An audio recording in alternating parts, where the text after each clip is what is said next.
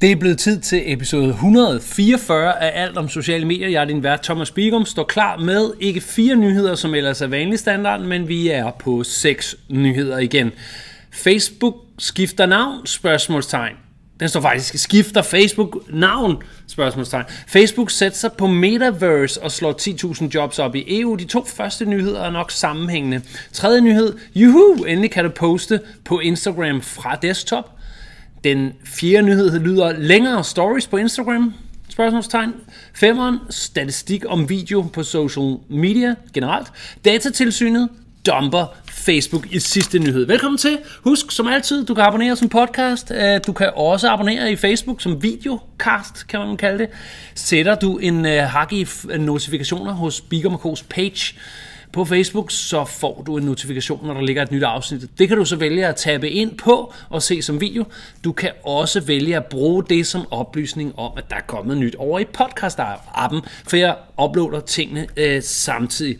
Det sker også nogle gange, at de ting, jeg taler om i podcasten, øh, er visuelle, og så kunne du få lyst til at se tingene, så foreslår jeg, at du bevæger dig mod bigum.com co-blog, hvor øverste episode altid, stort set altid vil ligge øverst. Og så kan du så komme ind til links til originaltitler, øh, titler, øh, undskyld, artikler.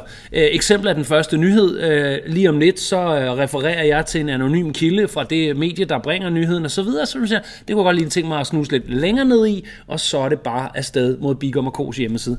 Nok om det. 144 går i krig nu lad os øh, lægge fra land. Skifter Facebook navn? Spørgsmålstegn. Ifølge The Verge, et medie, forbereder Facebooks moderselskab et navneskift oven på de seneste ugers dårlige omtale. Så går jeg lige off manuskript og siger, det tænker jeg, de havde planlagt lang tid. The Verge tolker det så som sammenhængende, men der er jeg sådan rimelig sikker på, at det var sket uden. To årsager. Um, det talte man allerede om for to år siden, og sekundært, det skal være på den årlige konference, og den kommer nu, så skal de vente et år, men rygterne om Metaverse, som, handler, som er i nyhed 2, er allerede set ud, altså er Facebooks, ikke rygter, som om der er noget, der findes, ikke findes, men deres satsning bliver sådan ligesom defineret tidligere i år, så det var sådan ved at være tid til at øh, søge mod et navneskift nu. Hvis en kilde intern så siger, at det er præcis derfor, så er det fint nok. Vi skal bare huske, når medierne skriver om Facebooks motiver som også var det gennemgående problem i den forgangne måneds Wall Street Journal tænkte, det er motiver, de kan jo kende motiverne. Så tager de citater ud af interne mails, eller bruger kilder internt fra, hvor man jo ikke kan fastslå motiver øhm, så nemt, som medierne nogle gange gør det til. Så når der, The Verge siger, at nu skifter Facebook navn, fordi de har haft en krise, så vil jeg faktisk kalde BS på den. For øh, da vi var med Bigommer på på, på besøg hos Facebook, i Irland for mere end to år siden. Jeg kan ikke engang huske datoen, øh, øh, tidspunktet helt, og der var lige en corona, det var i hvert fald halvanden år siden, så det var før det. Så var det ret gennemsyret, at Facebook allerede dengang havde et sådan lidt branding-navneproblem ved at være WhatsApp, Messenger, Instagram, Facebook, Oculus briller, og sådan en stribe af fem store faktiske tech-brands, øh, enten apps eller, eller brillerne, øh, virtual reality-brillerne, Oculus, og så stod der på væggene derovre, øh, Family of Apps, og så er branding-problemet, at det, hele firmaet hedder det samme som en af de her øh, underprodukter. Så, så, så der var det allerede sådan faktisk ret nemt at spå om en kommende navnændring, og også inspireret af at Google har gjort det samme, da de ikke længere vil være en søgemaskine, så stifter de så selskabet Alphabet, sådan så man kan rykke sine produkter ud under en større paraply. Og det er ikke nogen overraskelse, punkt 1. Punkt 2, det er, har ikke noget med krisen. Man kan sige, det gavner lige efter en krise at flytte, men der, der er jo en krise hvert kvarte år anyways, så der kan man simpelthen kroge det altid op på en krise og sige, at de skifter navn på grund af en krise. Jeg tænker egentlig, apropos at vi ikke kender deres motiver, at selv hvis det gik Facebook sindssygt godt, og der ingen kriser havde været i medierne, og der stadig været navneændring. Okay? Uh, anyways, ifølge kilden skulle det nye navn blive annonceret 28. oktober på Facebooks AR and VR Conference Connect. Ifølge The Verge-mediet uh, skal navneskiftet være med til at understrege Facebooks ambition om at bygge den næste generations internet, som lige nu bliver kaldt metaverset, Metaverse, som jeg lige refererede til, det kommer også mere om i nyhed 2. Den nyhed vender vi tilbage til senere. Facebook har ikke selv sagt andet, end at de ikke kommenterer på rygter og spekulationer. Og når de så ikke gør det, så begynder pressen selv at digte motiverne, og når Facebook så siger deres motiver, så gider pressen ikke at skrive dem, fordi de ikke passer i det narrativ, som pressen ønsker at skrive om Facebook. Velkommen til måden Wall Street Journal, de ligesom driver journalistik på. Vi kører videre til uh, nyhed nummer to. Facebook satser på Metaverse og slår 10.000 jobs op i EU. 10.000 ansatte-agtigt er de ude efter over en periode selvfølgelig, men for ligesom at få lagt grundsten for det, der så øh, har fået navnet Metaverse. Lad os lige dykke lidt i det. Jeg skal lige have en tår drik.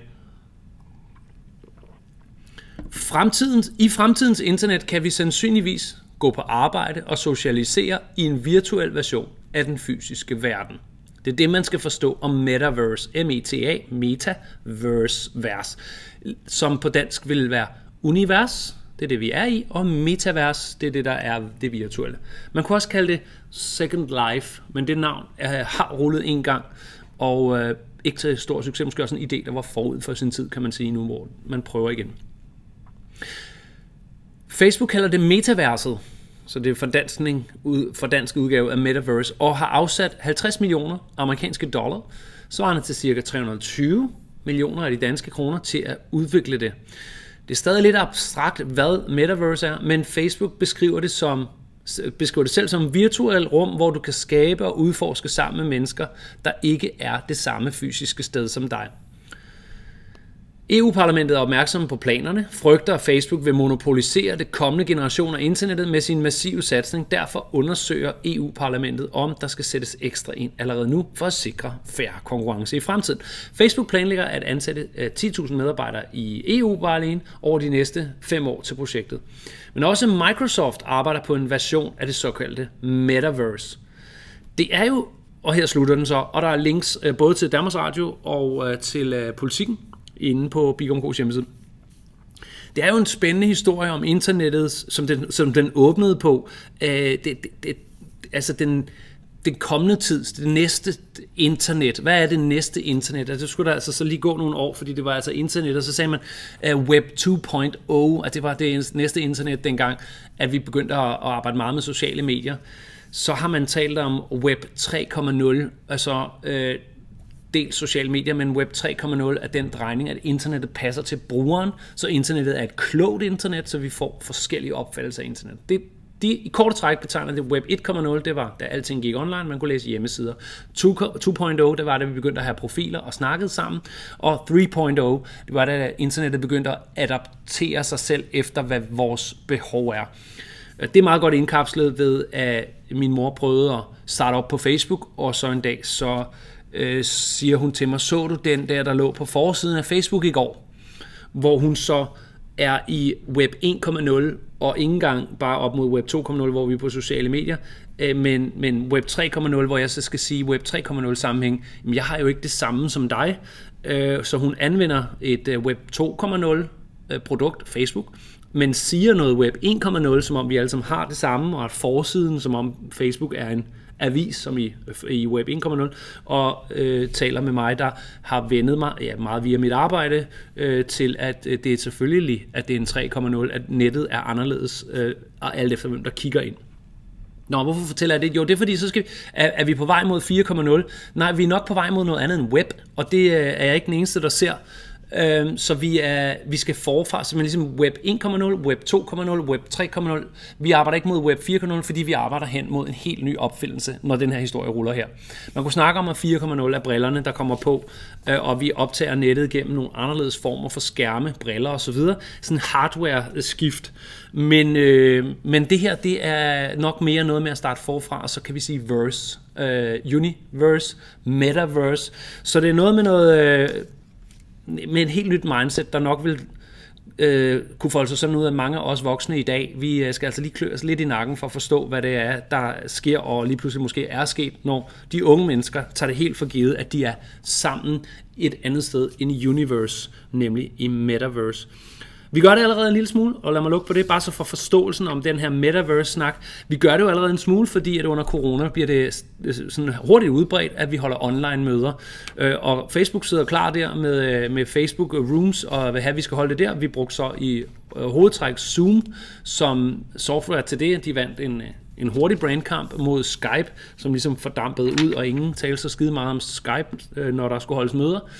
Øh, men en masse andre programmer løb sig efter, og man kan være på Google Meet, og man kan være på Microsoft Teams osv. Det er en kamp i sig selv, men det er i de rum, man skaber der, at man allerede har et lille spadestik til Metaverse. Så jeg lukker den ligesom på, skal du rustes til at være i stand til at smalltalke om det kommende metaverse, så skal du have fat om roden, der er. Det er internettet i sin nyeste, nyeste form, og ikke bare en ny version af internettet.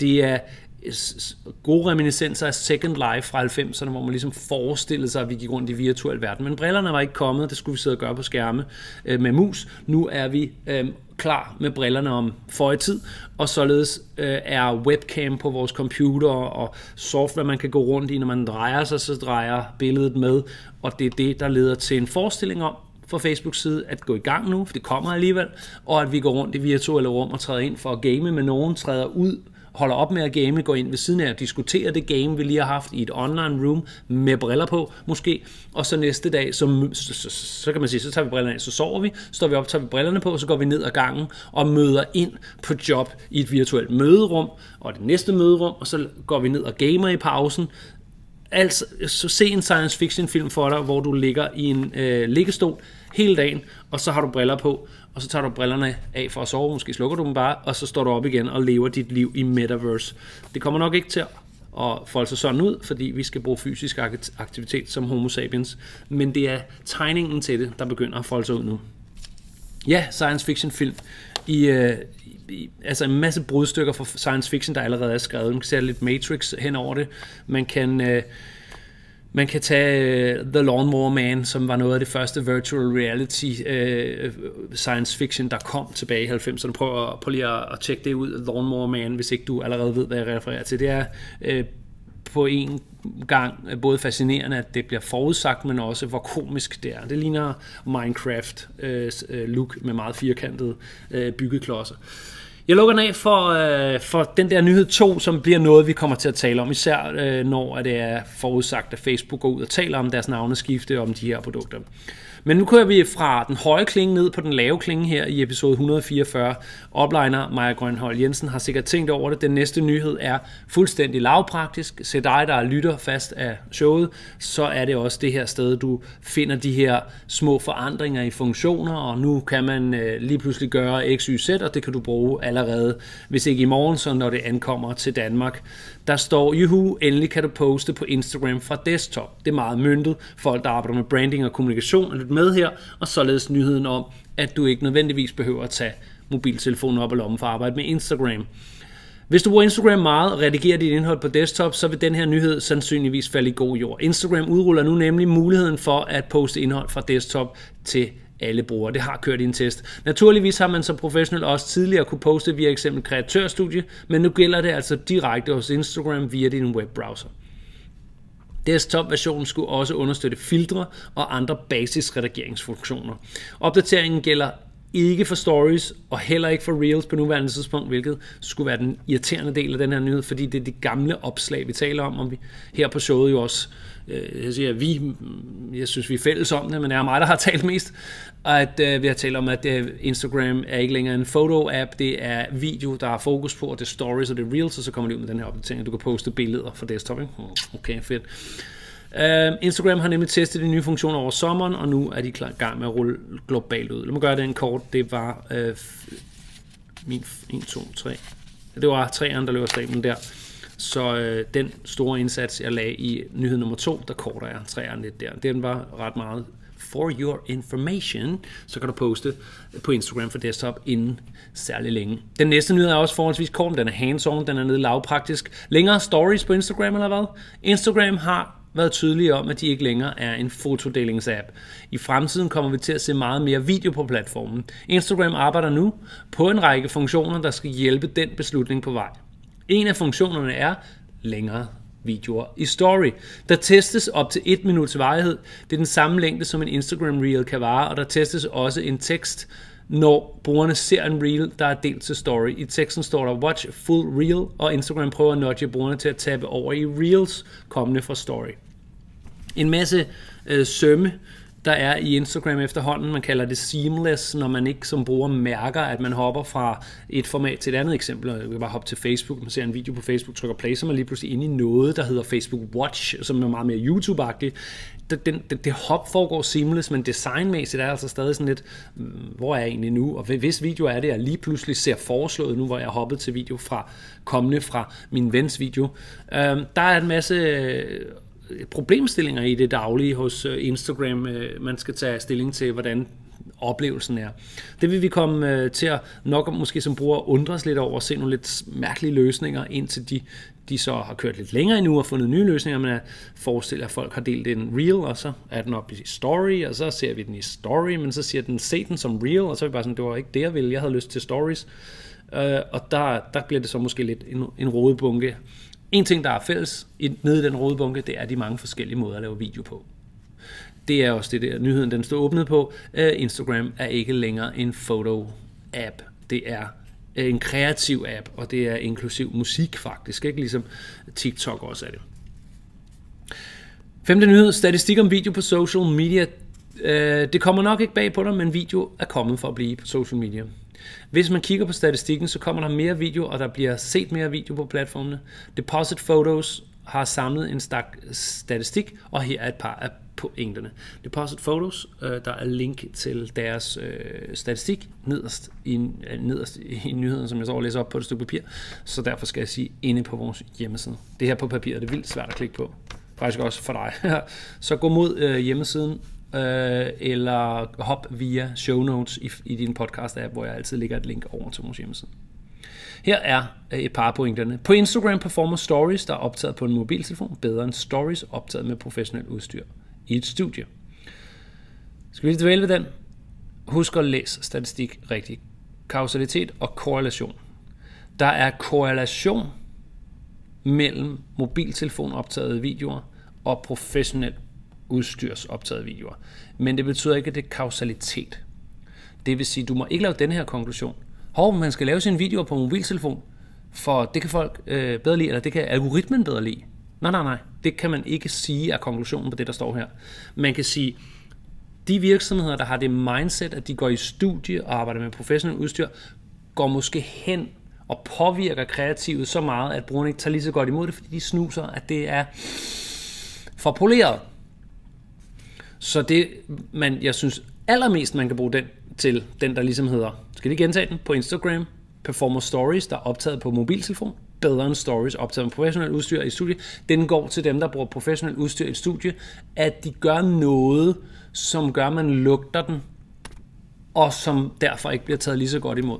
Men jeg er helt sikker på, at der er masser derude, der bruger professionelt udstyr, som har fin performance. Men når nogen som dem her, de går ud og laver en bred undersøgelse, så bliver professionel udstyrs stories trukket ned i gennemsnit, er de rigtig mange dårlige. Og det vil sige, du skal lige være bevidst, når du arbejder med statistik, om spredningen. Altså en klokkeformet kurve, som man lærer statistik i sidst i folkeskolen og igen i gymnasiet, at øh, stejlheden på en klokkeformet kurve i øh, statistik, den har også noget at skulle have sagt. Og her tror jeg, at der er en høj spredning. Det vil sige, rangerende fra de meget dårlige performende op til de godt performende. Der er meget, meget, meget langt. Nu, nu er det ikke alle, der ser med på video, men jeg står altså med hænderne meget, meget, meget spredt. Og så kan vi gå i klokkeform, hvis man ser med i videoform med det her episode. I det scenarie, der kan du, så skal du tænke over, om du er i den ene side af klokken, i den anden side af klokken hvor man kan sige, at dem, der performer godt over den ene side af klokken, skal bare blive det over, for de er pisse gode, og dem, der er i den anden side af klokken, de er i den anden side, og så er der en median i midten, og nu går de her ud, så siger medianen for, øh, øh, for øh, udstyrsoptaget, den, den ligger altså ringere end medianen for mobiloptaget. Så, men det kan godt være, at vores fotomåde at gøre det, øh, fotoudstyrsmåde at gøre det på er stadig bedre, eller også er den ikke og således stille og roligt øh, ned til mål igen. Husk nu, de her studier skal tages med flere tanker om statistik end de sædvanligvis bliver præsenteret med. Det er altid et problem her på kurserne i Bigum K, at gå ind og arbejde med de myter, der opstår, når der kommer sådan kalder lidt populære studier ud. Altså, det er sådan en pop, pop-artikel. Det er sådan, der er K-pop, og der er social media pop, og det er pop, popular, at gå ud og sige det der, og så bliver øh, citeret for det, og få en masse links ind måske, som øh, er godt for søgemaskinen optimeringen for det her firma, der har lavet øh, undersøgelsen. Bullet nummer to. How-to-videoer er favoritten, når det gælder video på Instagram, siger 80% af respondenterne. Det er, når de bliver spurgt, hvad de godt kan lide, så kan de godt lide how-to. Den kan man sige er bias. Jeg, jeg, jeg, er sådan, jeg går ikke, jeg går ikke, går ikke ind i det her bare for at skyde det ned. Jeg går ind og siger, og prøver at nu at formidle sårbarhederne, når man læser statistikker på den her måde. Skide godt sagt. Jeg først roser er det, ikke? Det er fedt at vide. How-to-videoer, det er en favorit, når man spørger folk. 80% siger, de bedst how-to der synes jeg bare kun, at man skal være bevidst om, at det er ekstremt svært for den almene bruger at sætte ord på resten, som de også synes er fedt. De er bevidste om, hvad der er en how-to-video, men hvad hedder alle de andre ting, vi ser? Så når et, når et, øh, et studie sker ved at spørge respondenter, skal vi forstå om sådan en respondentanalyse, at, at der er den bevidstgjorte viden, og så er der den ubevidste øh, adfærd. Altså det er bevidst adfærd og ubevidst adfærd, sådan kunne man også øh, formulere det. Og der er sårbarheden på de her altid sådan lidt, at mm, ja, det svarer du, fordi du har tændt hjernen, men hvis du vi kiggede på dig, mens du stod nede i busstopstedet, så var det faktisk ikke how to, fordi der står der, så står der how to do, som som, som, ja, den har jeg ikke lige tid til, den gider jeg ikke lige se nu, jeg vil hellere se den her nedenunder, og så er det bare noget sjovt. Og så når der er nogen, der spørger, hvad kan du bedst lide? Så jeg kan godt lide how to. Ja, det er fordi, du har forstået formatet, men, men du ikke lige kan sætte de rigtige ord på noget sjovt, noget light, noget dans, noget sang, noget lip sync osv. Så, så det er sårbarheden, når man læser det. Lad os tage den videre til, hvad skal vi gøre som ansvarlige for markedsføring, når vi hører, at how-to-videoer er favoritter. Skal vi så alle sammen lave how-to? Nej, igen ligger der noget, nogle, skal der ligge nogle tanker bag for det, fordi der er jo ikke øh, kausalitet, sådan så at hvis du laver how-to, så er du den foretrukne. Det, det er den anden vej. Folk er blevet spurgt, hvad er den foretrukne, så siger de how-to, så det er ikke givet, at bare du laver en how-to, så er du favorit. Det skal du altid lige huske, når du læser statistik. Går det begge veje, kausalitet og korrelation. Det her, her der taler om en korrelation. Øh, altså et bedre dansk ord for det er sammenhæng, ikke, ikke lighed. Sammenhæng, ikke lighed. Kausaliteten er sådan, så sker det. Ikke? Hvis x, så sker y. Det er kausalitet. Ikke? Så, øh, så er det korrelation. Hvis x ser det ud, som om y ofte sker. Det var en, måske en meget god pædagogisk måde at sige det på. På TikTok har fullscreen videoer i højformat 25% højere watch-through rate. Okay? Fullscreen video i højformat har 25% højere watch, watch through rate, altså gennemkigsrate. Uh, visnings, uh, nej, watch through er ikke det samme som visningsrate, men uh, watch through rate, altså at de ser det igennem. Um, den er fed, fed at vide. Det er godt med højformat. Det tager meget real estate på skærmen. Når du læser den statistik, skal du bekymre dig igen om kausaliteten. Vil det så sige, at, at jeg skal gå i højformat? Um, nej, men hvis du har en... Lad os bare tage den helt ekstreme, at du faktisk har en vandret optaget video øh, og ikke gider at klippe den kvadratisk, eller øh, 3-4, øh, 4-3, man kan sgu ikke huske det, men altså det der er det næsten det højeste, øh, og så siger nej, jeg kan ikke klippe den op i høj, så må vi ikke, så må vi ikke udgive den, fordi der, der var jo en undersøgelse, der sagde, at det var det bedste. Nej, undersøgelsen sagde ikke, at det var det bedste. Der er en korrelation mellem, at når de er sådan, så har de tendens til at virke. Så fortsæt endelig det, du laver, men vær bare bevidst om, at man kan vende den her om til et takeaway. Hvis du har muligheden for at gå i høj fullscreen øh, i TikTok, siger undersøgelsen, men lad tage det med på Instagram, så gør det. Men står du i en situation, hvor du ikke kan gå, så må du ikke lægge projektet ned. Så går du i det bedst mulige. Ikke? Og lykkes det, altså ser din statistik øh, så ud til at kikse lidt, så har du så en, en indikator for, hvorfor det nok gik galt. Ikke? Vi havde for meget kvadratisk, vi havde for meget vandret, øh, vertikalt, undskyld, og horisontalt, øh, så, så, så det er med til at forklare, hvorfor det var, vi kiksede lidt og gik under det, vi havde forventet. Man må øh, skal for alt i verden passe på at sætte lighedstegn mellem tingene her, når man læser sådan noget statistik. Vi tager den sidste. 70% af respondenterne svarer, at de har købt et produkt, efter at have set det i en video på YouTube.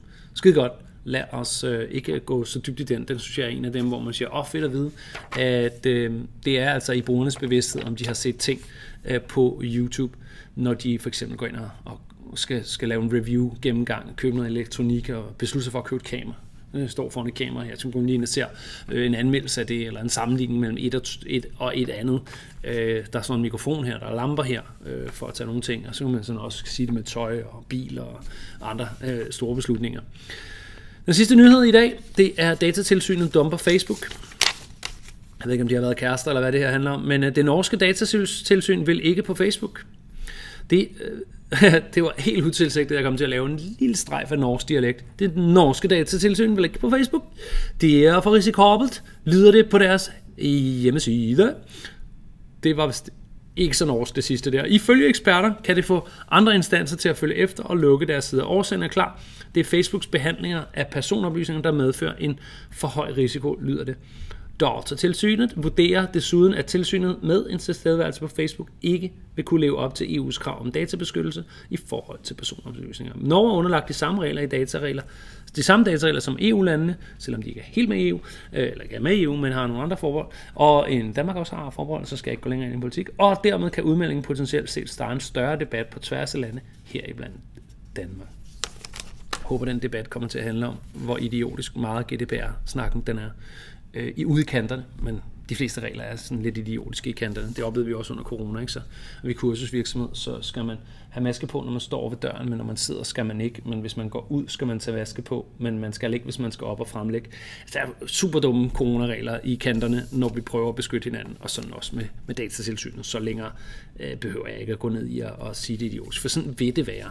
Øh, men jeg synes, det er meget snak fra, fra, fra det her med GDPR og, og folks øh, persondata, der ikke rigtig... Øh, der bliver råbt meget ulv, lad mig sige det sådan. Altså, jeg, vi har haft øh, GDPR i øh, rimelig øh, mange år nu, og øh, i starten var der en masse jurister, der så siger, så skal vi fandme også øh, hjælpe med at beskytte øh, brugernes øh, data, hvis de er på et billede på Facebook. Men det er bare som om, at vi arbejder sådan skalamæssigt øh, øh, sådan svarende til en meget, meget, meget høj skyskraber, og problemets reelle størrelse er øh, ikke engang lige så højt som et almindeligt hus. Jeg vil kalde det et flat shelter i skoven.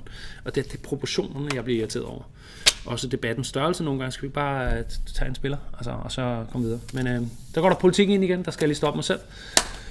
Og jeg mener selvfølgelig en afspiller af videoen, øh, afspiller af podcasten. Øh, tag en afspiller af næste episode, 145. Den øh, kommer øh, lige lidt... Øh, vi, vi, vi tester lige det her med at have seks nyheder i stedet for fire, fire nyheder. Så kommer der lidt forsinkelse på noget af aktualiteten, men så er der også noget at lytte til, når man endelig har trykket play. Jeg håber, du kunne øh, bruge det til noget, og du nød, at der sådan var en solid klump, så går det så lidt længere tid igen, før der kommer en klump. Nu har vi med to afsnit i træk prøvet at køre seks nyheder i stedet for fire. Det vil du måske også opleve det næste, 145. indtil vi ses eller høres ved i den, så husk at række podcasten til en ven, der måske kan bruge det, og så ellers bare have det lige så godt, som du ser ud, nemlig forrygende.